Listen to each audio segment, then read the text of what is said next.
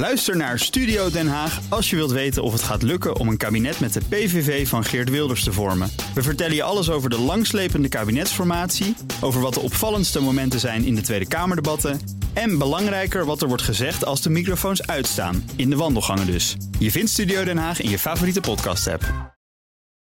Crypto-update. Ja, deze week niet met Herbert Blankenstein, maar met Daniel Mol, redacteur bij BNR's CryptoCast. Ons eh, programma over bitcoin en andere digitale munten. Goedemorgen, Daniel. Goedemorgen, Meindert. Ja, opnieuw is er een decentralized finance platform slachtoffer geworden van een hack. Uh, wat is er deze keer aan de hand? Ja, dat is echt uh, de zoveelste keer. Ja. Dit keer gaat het om Wintermute. Uh, dat is een Brits platform die zegt allerlei centrale en decentrale handelsplatformen te, te voorzien van liquiditeit. Ja, naar eigen zeggen werd daar honderden miljoenen beheerd en ook voor 5 miljard dollar per dag aan handel gedreven. En nu zou er 160 miljoen dollar uh, gejat zijn. Dus dat is weer Nou ja. behoorlijk groot. Maar goed, uh, je zegt al, het is de zoveelste. Zijn er nog gevolgen voor de cryptomarkt... of zijn we inmiddels al een beetje gewend aan dit soort zaken? Ja, we, zijn, we, hebben, we hebben een dikke huid opgebouwd. ja. het, het, lijkt vooralsnog, uh, vooralsnog beperkt. De hacker heeft een hele grote hoeveelheid verschillende coins gestolen... die, die is moeilijk ja, die krijgt hij moeilijk kwijt. En ook uh, zegt de Nederlandse CEO van Wintermute, een Yevgeny Gavoy, als ik zijn naam uh, goed uitspreek, dat het bedrijf uh, genoeg vet op de botten heeft om deze klap te overleven. Dus dat moet gebruikers geruststellen. En het zou namelijk niet de eerste keer zijn dat gebruikers massaal hun mm -hmm. geld gaan ophalen naar zo'n hack, wat weer voor verdere problemen kan zorgen. Ja, ook al wel opmerkelijk, hè? die CEO die geeft de hacker de mogelijkheid om alle tegoeden straffeloos terug te storten. Nou ja. Ja, ja die Yevgeny die spreekt op Twitter de hacker uh, direct aan en geeft hem de mogelijkheid om als een soort whitehead, een, een ethisch hacker, uh, ah, ja. behandeld te worden. Uh, daarmee geeft hij een beloning van 10% voor het totale bedrag. Eigenlijk voor het zeg maar, exposen van, van dat lek in dat platform waar die hacker gebruik van heeft gemaakt. En het is wel belangrijk, mocht de hacker nou naar BNR luisteren, er is wel haat ja. bij geboden, want het onderzoek loopt gewoon door. Oh, oké. Okay, Oké, okay. nou, we zullen er aan denken. Dan iets anders. De definitieve wettekst voor de nieuwe Europese crypto-regulering, die ligt op straat. Ja, die definitieve, de definitieve versie van de MICAR, want zo heet dat, is in handen van de crypto-website Coindesk. En dat is op zich een betrouwbare bron. En daarin vallen een aantal dingen op. Uh, de regels rond algoritmische stablecoins uh, zijn aangescherpt. En dat kon niet helemaal uit de lucht vallen. Want uh, in mei van dit jaar was er heel erg veel om te doen rond het Terra Luna debakel. daar ging eigenlijk de hele cryptomarkt hard van naar beneden. Ja. En die algoritmische stablecoins vielen eerst buiten de strenge nieuwe regels van de MICAR. En nu is dat dus anders. Nou, ik denk dat dat een reactie is op dat hele gedoe Juist. met Terra Luna. Ja, en, en er is meer tekst veranderd, ook die rond NFT's. Ja, daar is de paniek een beetje uitge uitgebroken bij de NFT-industrie. Want um, nou ja, als een NFT helemaal uniek is en ook niet te verhandelen, dan is het allemaal oké voor de MICAR. Dan valt hij daar eigenlijk niet onder.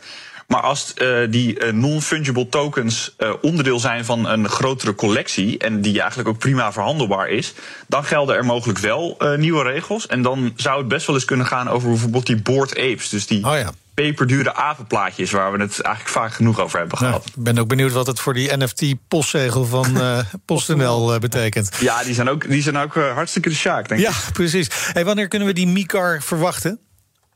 Ja, dat duurt nog wel even. Uh, waarschijnlijk in 2024. En uh, dan zijn we eigenlijk helemaal nog niet klaar met uh, nieuwe crypto-regulering. Crypto Want eigenlijk is het al duidelijk dat er een.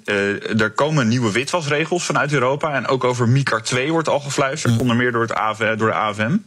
Dus er zullen nog wel een hoop regels bij gaan ja. komen. Dan is er ook nieuws uit Amerika, want een belangrijke CEO van een cryptobedrijf is opgestapt. Ja, het gaat om Jesse Powell van Kraken. En Kraken is best wel ja. een belangrijk handelsplatform in Amerika.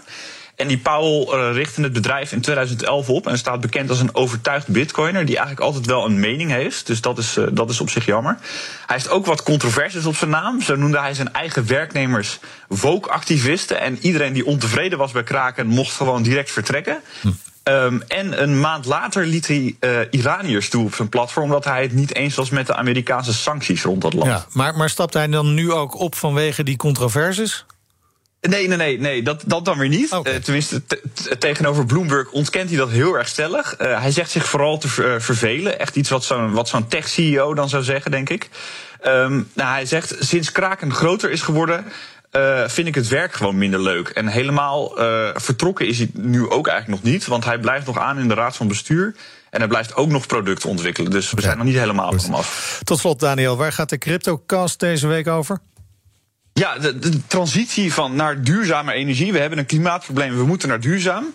En uh, de rol die Bitcoin daarin kan blijven spelen. Uh, nou, dat is misschien raar, want daar is heel veel discussie over. Maar het minen van Bitcoin heeft allerlei eigenschappen die nog wel eens van pas zouden kunnen komen bij die transitie.